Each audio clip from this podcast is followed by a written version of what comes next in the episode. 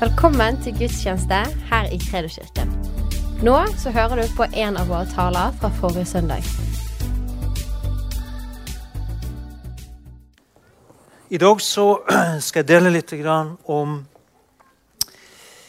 eh, Guds ledelse. Eller jeg vil si det sånn du er mer ledet av Gud enn du tror. Eh, Gud har bedre kontroll på livet ditt enn du er klar over. Og du er med på noe mye større enn det du kanskje skjønner. Eh,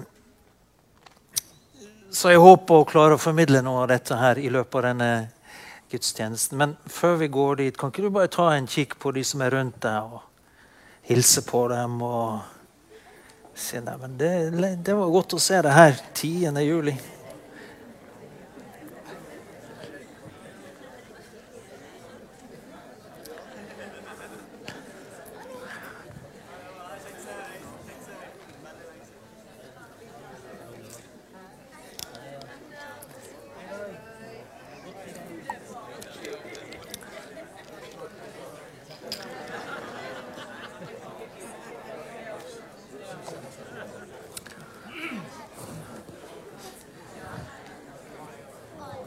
Så bra.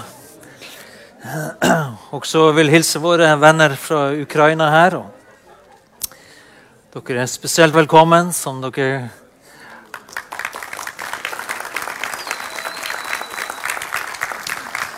Som uh, Lars nevnte her, så uh, had, ha- var jeg og Kenneth Jacobsen en tur nedi der, i Øst-Ukraina. og Vi har en del troende brødre og søstre som gjør en fantastisk jobb. Midt i eh, krigssonen, midt i fare for eget liv, så står de på.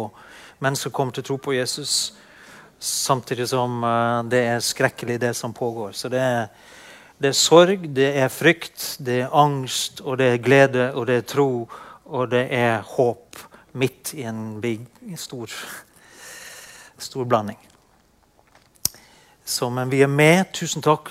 Sist søndag så ga dere eh, 36 000 kroner som vi sender ned, pluss at vi har 75 000 kroner på konto som vi kommer til å sende ned, pluss at vi hadde masse 11 000 dollar som vi hadde sendt ned, og som vi tok med ned. Så det blir en del 100 000 etter hvert som eh, vi i sammen hjelper eh, flyktningene og de lokale som har mista jobbene, som eh, har eh, lite med mat eller mangler medisiner osv. osv. Så som jeg fortalte sist, så vil vi også hjelpe en menighet i noe som heter Poltava, et par timer fra frontlinjene. Hvor eh, de har tatt imot en masse flyktninger, og så har de et kirkebygg som står et Nydelig kirkebygg, men det er uten tak. Så vi hjelper dem å få tak over hodet. For de har brukt alle pengene på å ta hånd om flyktninger, så stopper hele byggearbeidet. Men vi gjør motsatt. Istedenfor å vente, så handler vi tro sammen med dem, gjør det ferdig. Vi tror at Ukraina kommer til å være en fri nasjon, en selvstendig nasjon, eh, og at evangeliet skal stå sterkt i det landet. Amen. Ukraina er viktig for Europa. Europa er åndelig talt forfallent. Mens det finnes mange troende, Jesus-troende ukrainere. Og vår bønn er at de skal være en velsignelse for Europa. Er dere med på den bønnen? Yes. Så når det er eh, på en måte Gud kaller oss til å reagere motsatt av denne verden. Når det er frykt, så må vi handle i tro. Når det er hat, så må vi handle i kjærlighet. Så vi må klare å både ha tilgivelse i hjertet og samtidig stå for sannheten og være villig til å kjempe. Be for våre brødre og søstre som er ved frontlinjene. Be for også de som bærer våpen, for de kjemper en, en rettferdig kamp eh, mot en urett som, eh, som er begått mot dem.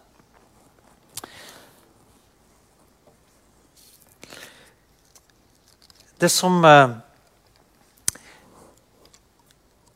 Du vet at eh, liksom tidligere så Jeg har jo lagt merke til at besteforeldre er jo veldig ivrige etter å liksom vise bildene av sine barnebarn. Er det flere som kjenner igjen det. Så jeg føler jo liksom opp gjennom årene at det har vært ganske sånn der overbærende liksom, når de viser bilder av niende barnebarnet. liksom. Ja, jo, jo, flott. Ikke sant? Men nå er jeg kommet dit sjøl. Vi har også rukket å være på ferie, og vi har fått vår første barnebarn. Og jeg har lyst til å vise dere et bilde. og vi får det opp. Der har vi. Åh. Eden Dorthea heter hun. Men det som, var, det som var litt gøy, det er jo når, når du er på ferie og liksom ting roer seg litt, så er det også sånn at Gud begynner å gi litt eh, bilder på hvordan han forholder seg til oss. Og Hvis vi tar neste bilde, så ser du denne barnevognen her, eller denne trilla.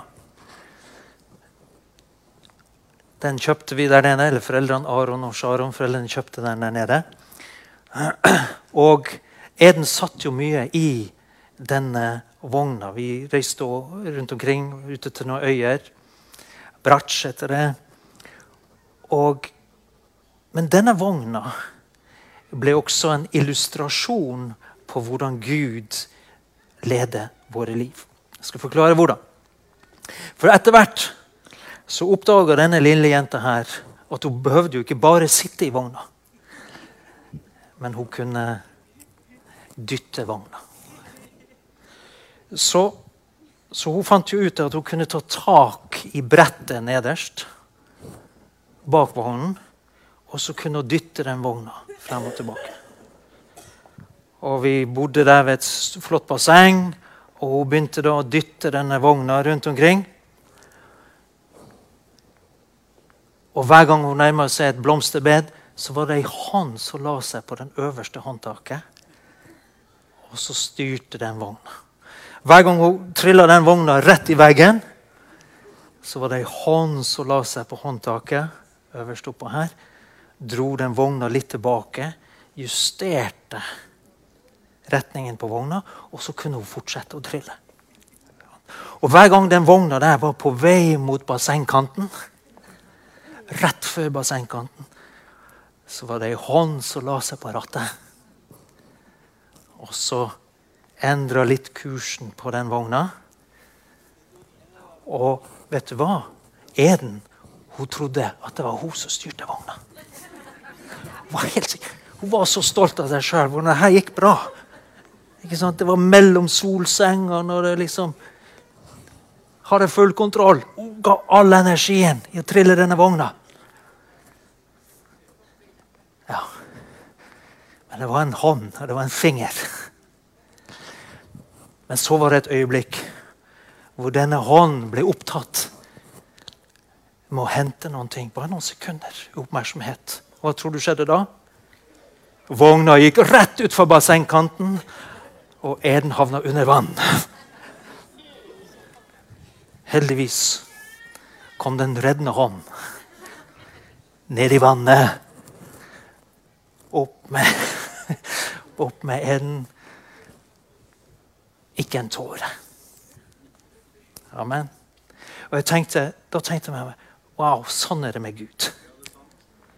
Vi styrer på i livene våre.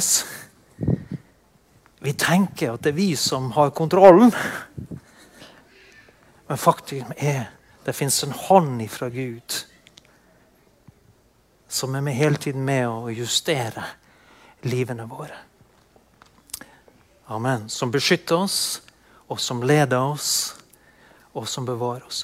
Og jeg kan minnes i dag hvordan Helt tilbake Jeg tror jeg var 15, 15 år. 15 15,5 år.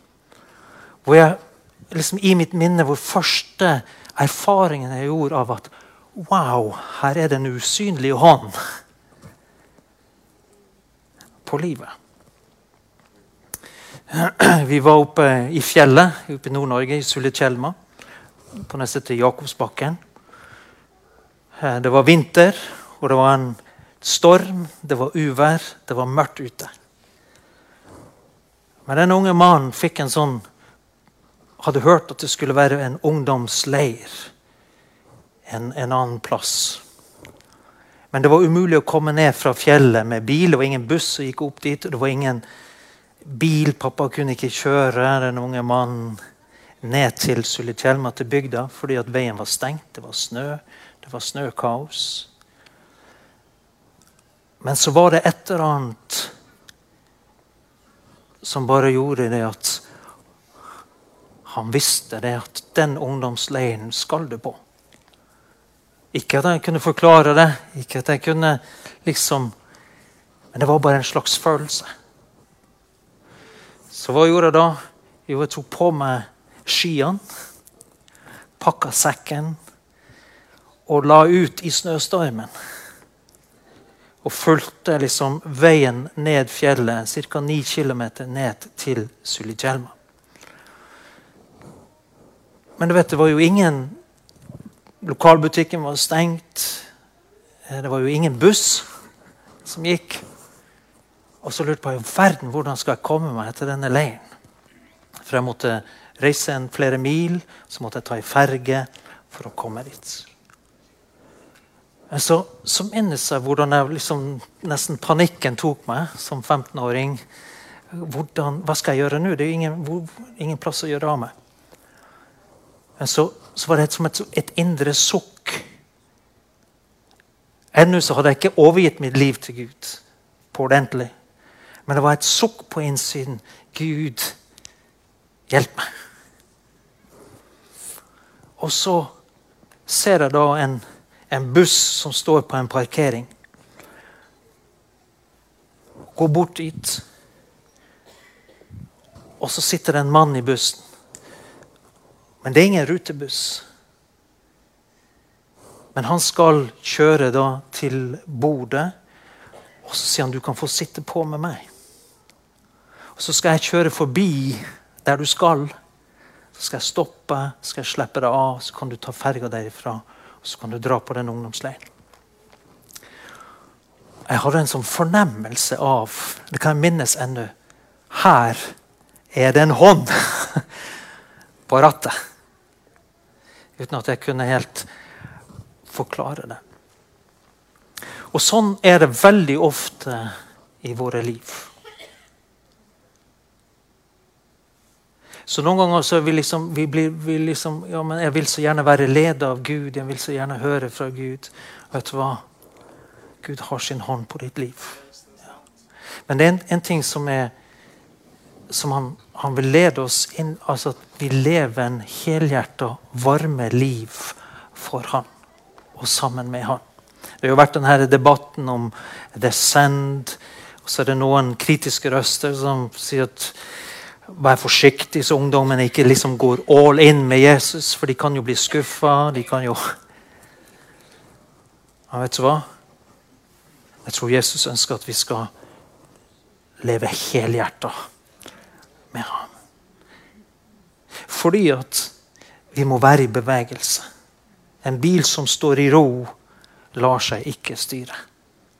Du kan vri på rattene så mye du vil, men du kommer ingen vei. Men om hjertet er varmt, og vi har en forventning til Gud, så blir vi leda. Mye mer enn det vi er klar over.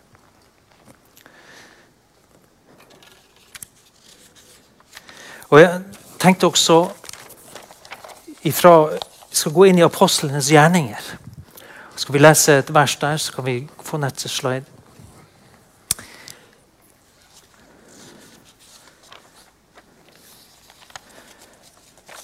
Og Vi skal lese dette sammen. Det står at Kirken hadde nå fred over hele Judea, Galilea og Samaria. Den ble bygd opp og levde i ærefrykt for Herren, og den vokste, styrket av Den hellige ånd. Her står det at kirken hadde fred. Men det er mange som snakker om hverdagslivet. Den kristne troen, hverdagslivet, bønnen og ordet. Det er helt sant. Men det er noen ting Skal vi se på den første menighet hvordan var det når det var fredelig? Hva skjedde da? Hva pågikk i Guds menighet når de hadde fred, når de hadde ro? Hvis vi går til Apostlenes gjerning, eh, kapittel 9, vers 32.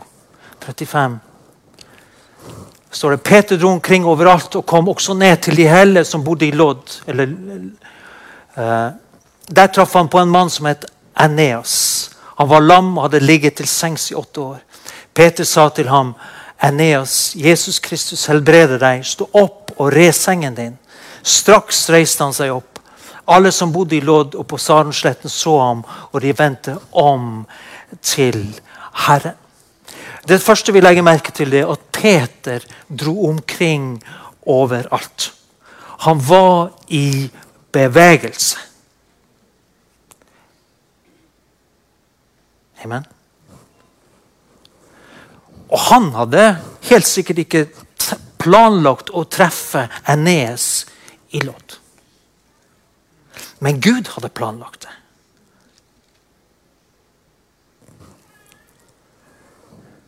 Og Der fikk han høre om at han hadde vært syk, at han hadde vært lam, han hadde vært i sengs i åtte år.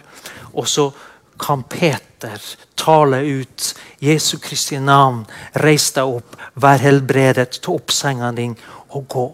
Og på grunn av denne helbredelsen så står det her at alle som bodde i Lodd og på Saronsletten, så ham, og de vendte om til Herren.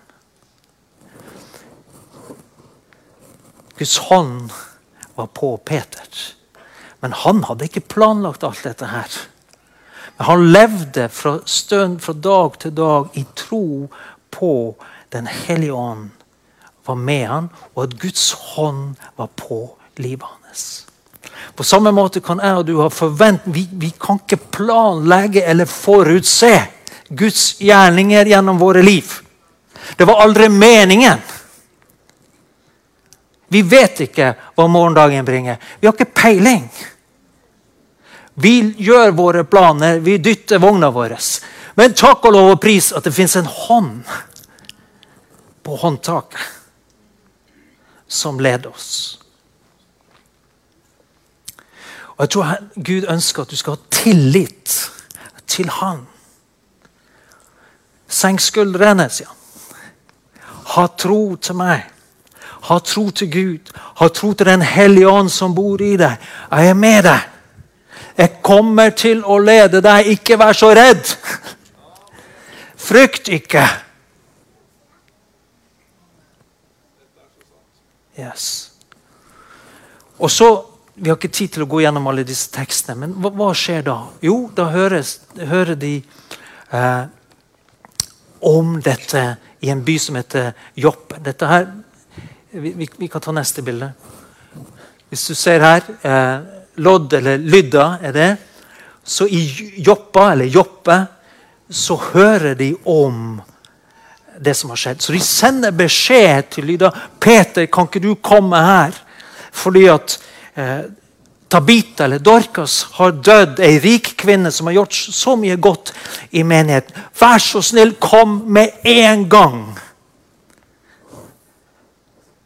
Og Peter han handler på den forespørselen. Kommer dit. Alle de som gråter over at denne kvinnen dør. Han ber dem forlate rommet. Han kneler. Han ber til Gud. Hva ber han om? Jeg tror han ber om Den hellige ånds ledelse. Hvordan skal jeg møte denne situasjonen? Hvordan skal jeg møte denne utfordringen? Og så ser du at han tar autoritet i navnet Jesus Kristus. Og så vekkes denne kvinnen til livet igjen. Dette er hverdagskristendom i den første menighet. Og så blir det jubel. Og så blir det en sånn takknemlighet for hva Gud. Hadde Peter planlagt dette her? Nei. Men han stolte på Gud. Så når han fikk en forespørsel, han fikk en invitasjon for fra Joppe, så fulgte han den invitasjonen. For han stolte på at Gud har kontroll. Jeg trenger ikke å vite alt, jeg trenger ikke å forstå alt, jeg trenger ikke å analysere hva jeg skal gjøre i jobben. Jeg bare følger invitasjonen og stoler på Guds ledelse. Og han fikk se en kvinne reist ifra de døde. Du vet Mange ganger vi analyserer oss i hjel. Vi skal ha alle detaljene på plass. Vi skal liksom forutse, vi skal planlegge. Men jeg tror Herren ønsker oss å på en måte bare løfte blikket vårt og si 'stol på meg'. Jeg har ferdiglagte gjerninger for deg. Stol på meg. Det er ingenting som skjer i dette liv som kan ta deg ut av min hånd. Og Vi ser også at de første troende, til og med når de havna i fengsel, så stolte de på Gud. Og fengselsoppholdet ble en, mulighet for evangeliet. Det ble en mulighet for at mennesker fikk høre om Jesus. De hadde en annerledes mentalitet, de hadde en annerledes holdning. De bare stolte på Gud. I fredstid, sånn som vi leser om her, så stolte de på Guds ledelse. Når de satt i fengsel, så stolte de på Gud. De ba til Gud og stolte på at han har kontroll. Og han skal lede oss gjennom alt som måtte skje, som ikke vi kan forutse. Og, jeg, og, det faktisk, og, det er sånn at Gud har behag i at vi søker han daglig for hans ledelse. Det betyr ikke at du trenger å få liksom, nøyaktig oppskrift på hva du skal gjøre. Men han gir indikasjoner, han gir veiledning. Kanskje det kommer gjennom en forespørsel. Kanskje det kommer gjennom at noen spør deg.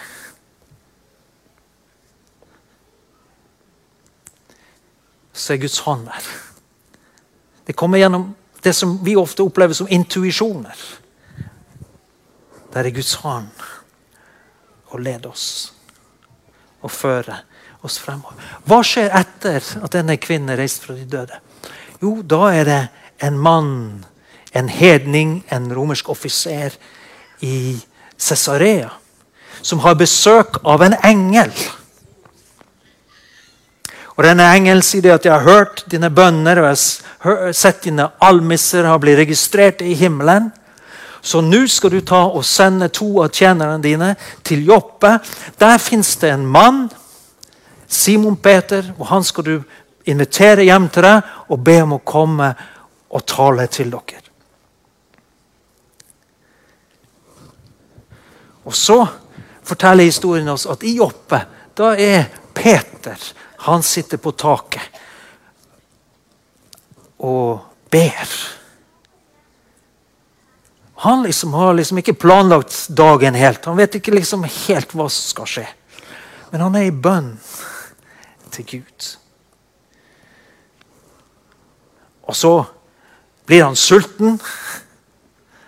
Og så sender han beskjed ned om det var mulig å få opp litt mat. Og så har han da denne visjonen, denne duken, som Gud brer foran han med, med dyr, rene og urene dyr. Og så sier Gud ta for deg og et. Så står det at han er helt Altså Peter blir forvirra av dette synet. Hva betyr dette her? Men så står det at Den hellige ånd taler til ham. Det står tre, det er tre menn som spør etter deg. Guds ånd og det står at disse tre mennene de hadde kommet til Joppa. Altså. Og så hadde de, de hadde fått beskjed om at denne mannen som dere skal ha tak i, er i Simon Gavens hus. Men de måtte spørre seg for. De leita etter han. De fikk ikke gateadressen altså, hos engelen. Men de fikk bare stedsnavnet. Byen. Og navnet på han som eide huset der de skulle finne han, står det at de spurte seg frem. Tror du at Gud kan lede oss gjennom at vi spør? Amen.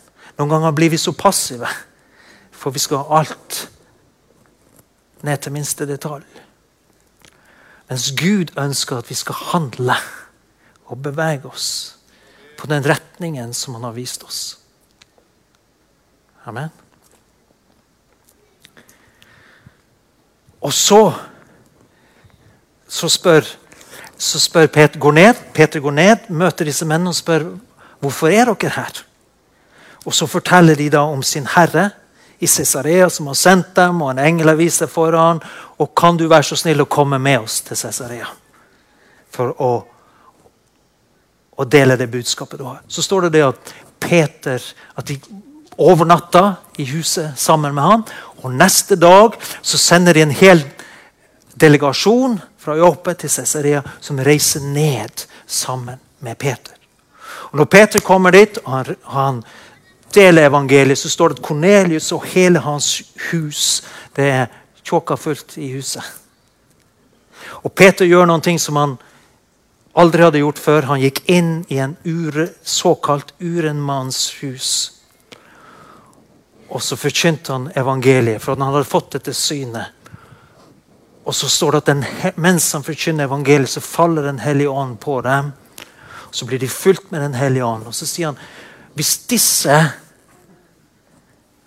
som ikke er jøder, blir fylt med Den hellige ånd på samme måte som oss, så må de jo også bli døpt. Og så står det at de blir døpt i vann.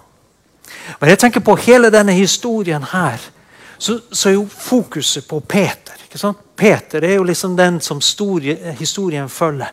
Men hvor mange andre mennesker i denne historien var ikke helt avgjørende for at Guds plan skulle gå i oppfyllelse? Tenk å ha vært så heldig å være de som hadde det der huset i Joppa hvor Peter bodde. Takk Gud for at de hadde bygd det huset. Og den kvinnen, Det var mest sannsynlig kvinner som laga mat den gangen. Som fikk være i det huset der og lage mat til apostelen Peter. Jeg er sikker på når, når, når de fikk høre om hva som var skjedd Wow! Kornelius hans hus har tatt imot evangeliet. De, de hadde ikke peiling på betydningen av det. Men det var en døråpner, sånn at grekerne og romerne kunne komme inn i Guds rike. Denne kvinnen i jobb har ikke anelse om hva hun var med på. Tror du var hun ledet av Gud? Var hun ledet av Gud som, som, som var verdt for Peter? Få høre. Tror du hun hadde spekulert og tenkt igjennom liksom, Nå kommer evangeliet til å nå hedningene. for Det, Men hun bare tjente. Hun bare tjente Guds mann. Og fikk være med på et eventyr. Jeg er sikker på disse tjenerne som kom fra Kornelius. Når de kom til, til Joppe de bare merker det at Oi! Det er et eller annet som er med oss. De kjente en glede, de kjente en forventning, men de ante jo ikke hva som skulle skje. De, ikke, de kjente jo ikke Peter, visste ikke hvordan han så ut. De hadde mest sikkert aldri hørt ham før. Men det var en forventning, et eller annet som, som bare rørte seg i dem. Denne mannen må vi finne. Så leita de helt til de fant han. Har ikke det vært gøy å være en av dem, da? Hæ? Om du, om, om du ikke er Peter, så hadde det vært gøy å være en av de tjenerne der i den storyen. Å være med på det som skjer. De var jo helt avgjørende. Disse tre personene var helt avgjørende at de gjorde som Kornelius sa. At de var lydige at de hadde tro. At de gikk den en og en halv milen. Eller kanskje mer enn det. Det er faktisk mer enn det. De, disse tre var avgjørende for Guds plan skulle gå i oppfyllelse. Ma, mange ganger så er vi med på ting vi ikke aner dimensjonen av. Men vi bare stole på Gud. Her er jeg. Ta meg, bruk meg. De gaver og talenter jeg har. De er her, Gud, for å tjene deg.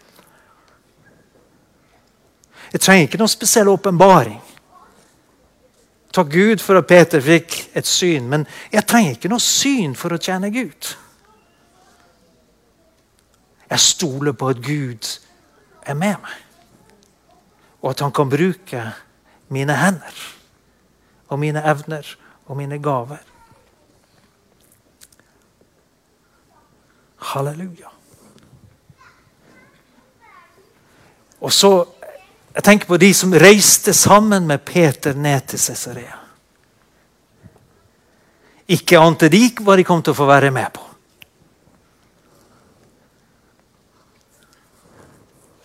Og de ble forskrekka når han gikk inn i Kornelius' hus. Men de skjønte at noen ting var på gang. Var de ledet av Gud? Definitivt. De var vitner om det som Gud gjorde. Det var helt avgjørende at de også var til stede og så. Det var ikke nok på en måte at bare Peter kunne fortelle jødene hva som har skjedd, den jødiske menigheten. Nei, De trengte flere vitner som kunne bekrefte Den hellige ånd har falt også over hedningene. Det er sant Gud har begynt å frelse hedningene. Amen. De var viktige personer. Vi kjenner ikke navnene på dem, men de var særdeles viktige i det Gud gjorde.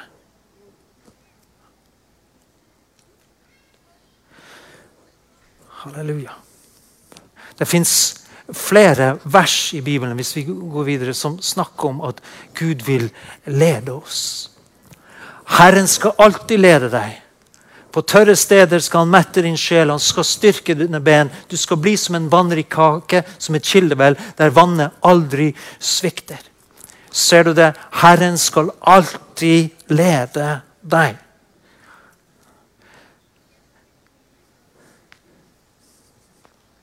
Det var et disse et ord som Gud ga i veldig ung alder til meg. Jeg skal alltid lede deg. Hold deg nær til meg. Søk meg i bønn og i ordet. Jeg skal alltid lede deg. Jeg kommer aldri til å svikte deg. Og det er mange ting som jeg har erfart i livet som jeg ikke kunne forutse. Både gode og smertefulle ting. Men det er noen ting med at Gud kan vende alt til det gode. Altså, Eden falt i bassenget. Det var jo ikke noen voksne som ønska det. Men det var en erfaring at det er en voksen hånd som løfter deg. Det er en del erfaringer som vi gjør oss i livet, som er nødvendige.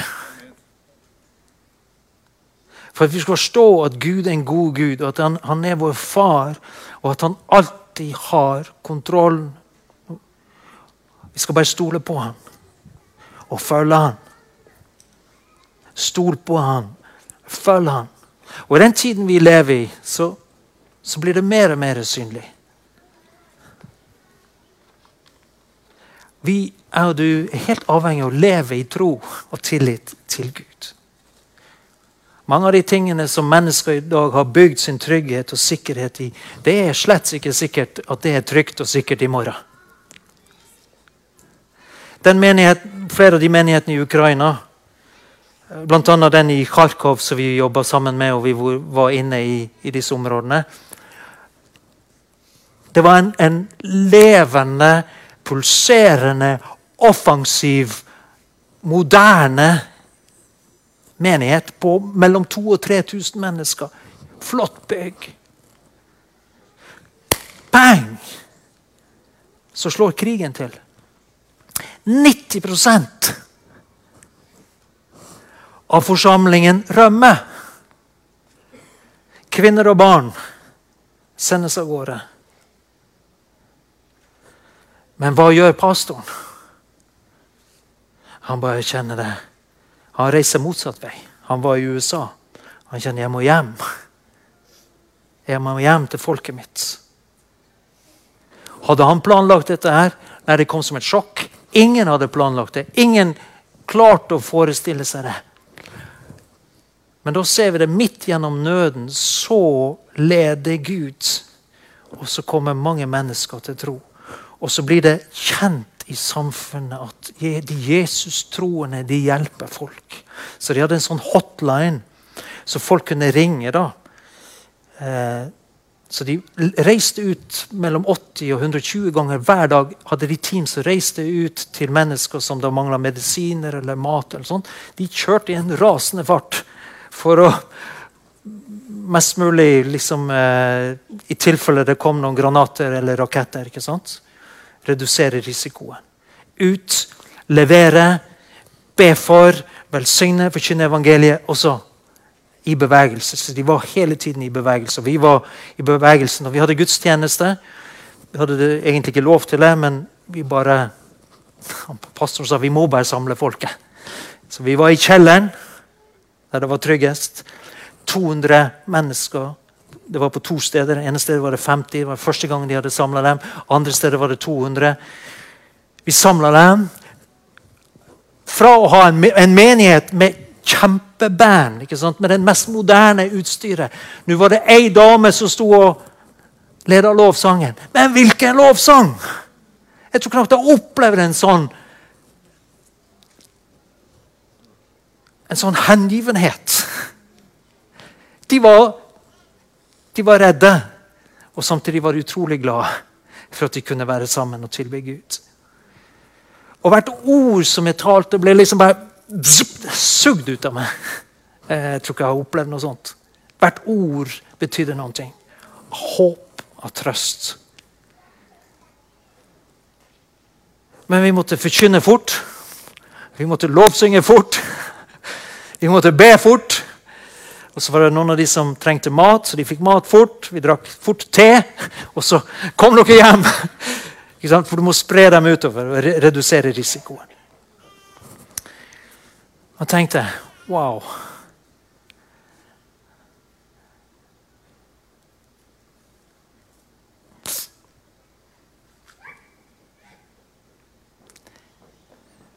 Men vi kan ikke være redde, folkens. Vi skal, vi skal ikke være ufornuftige, men vi kan ikke være redde. Vi skal være ledet av Gud. Enhver omstendighet, enhver situasjon som oppstår, så er vi fleksible, så er vi mobile så kan Gud bruke oss. Amen. Det fins noen syke som venter på meg og deg. Kanskje det kommer en invitasjon til deg. Kan du komme og be for? Ja, Det er Guds ledelse.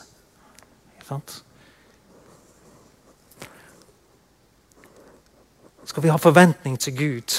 Nå sier ikke at krig kommer til Norge, men de trodde heller ikke at det skulle komme til Ukraina. Jeg bare vil at vi skal være våkne. Så Herren ønsker at vi skal være våkne i denne tiden. her. Brennende, varme, kvikke, mobile, fleksible, fulle av tro, fulle av forventning. Hva Gud vil gjøre, hva Gud kan gjøre. Og være med på laget. Ikke sant? Bare se det at det var så mange mennesker involvert i det som Peter på en måte, Selv om han var frontfiguren, så var så masse folk involvert i hele den fantastiske hendelsen i den første menighet. Jeg og du får være med. Vi får spille vår del. Tro på Gud og den, del, den rollen som du har i hans masterplan. Skal jeg si det igjen? Tro på Gud og den rollen du har i hans mesterplan. Den er en stor plan.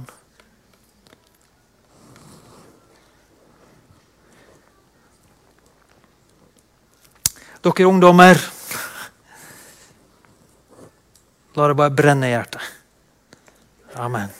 Gjør dere erfaringer med Gud. Gjør dere erfaringer med Gud som far. Vær i bevegelse. Eh, ja. Det holder.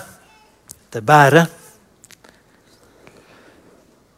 Dere voksne og eldre, ikke stopp og forvent.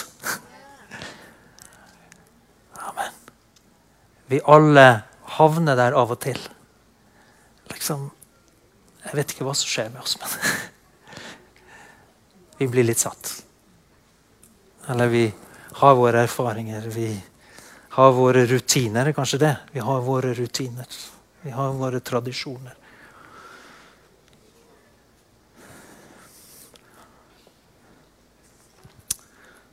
Takk, Jesus. Forventning. Herre, her er jeg. Send meg. Bruk meg. Hvor fins det mennesker som er åpne for evangeliet? Hvor er de hen? Herre, send de til meg, eller la meg gå dem i møte. La, la meg snuble over dem. Jeg vet Gud vet hvem som er åpne, og du vet ikke alltid det. Men ha forventning at han skal lede deg. Halleluja. Enhver problem, enhver utfordring som kommer i din vei, stopp opp og spør Gud. Han er også veldig praktisk. Vi kom hjem fra ferie her, og så funka ikke vaskemaskinen. Og jeg var litt treg og fikk liksom ikke, visste ikke hvor vi hadde kjøpt vaskemaskinen engang. Du må jo ringe dem og få komme en reparatør. For nå har vi masse klesvask, og vaskemaskinen fungerer ikke! Frustrasjon i heimen. Kleshaugen steig.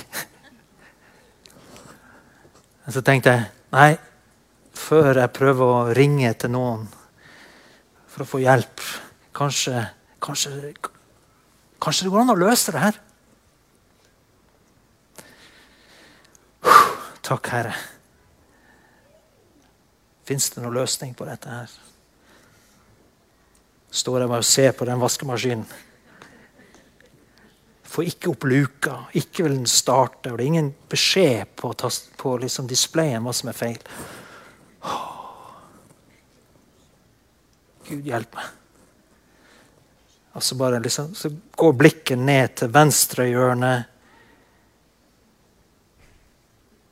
Så skrur jeg opp. Og der er en liten propell. Det burde jeg jo ha visst, men det hadde ikke jeg kommet på. Og da var det kommet noe rusken i der, så den propellen fungerte ikke. Så fikk bare ut det, og så fungerte vaskemaskinen. Helt fint. Amen.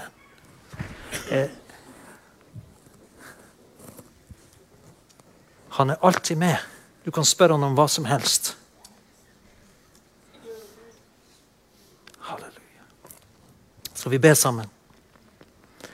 Himmelske Far, jeg takker deg og lover deg.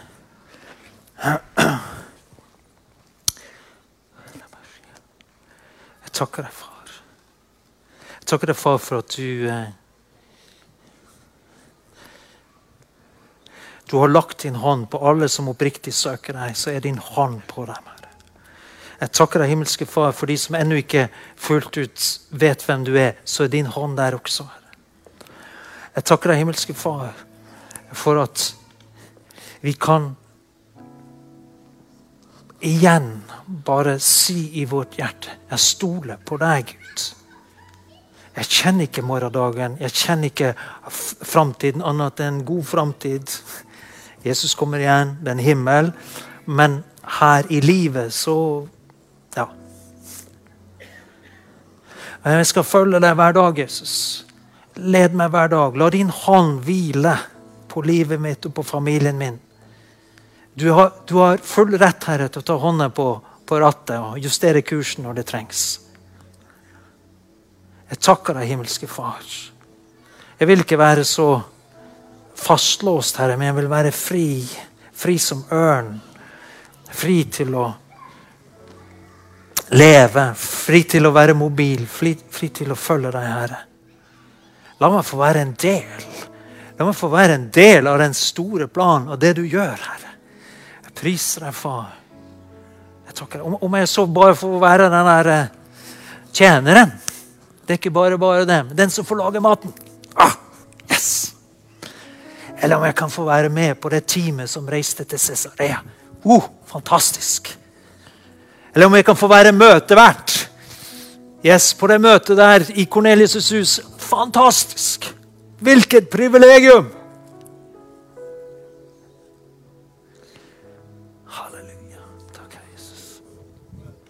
Takk, Herre.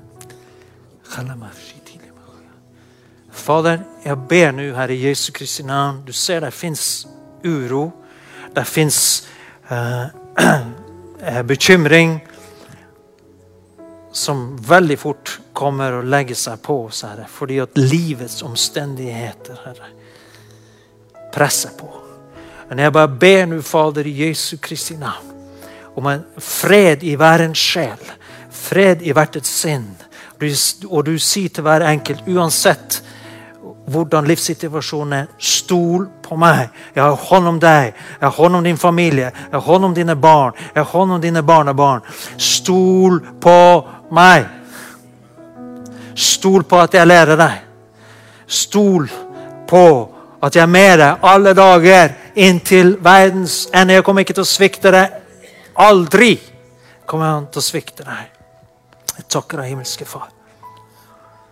Takker deg, Herre. Gjennom tider av prøvelse, gjennom tider av fred, gjennom tider av konflikt, gjennom tider av uro, gjennom tider av framgang. I Jesu Kristi navn.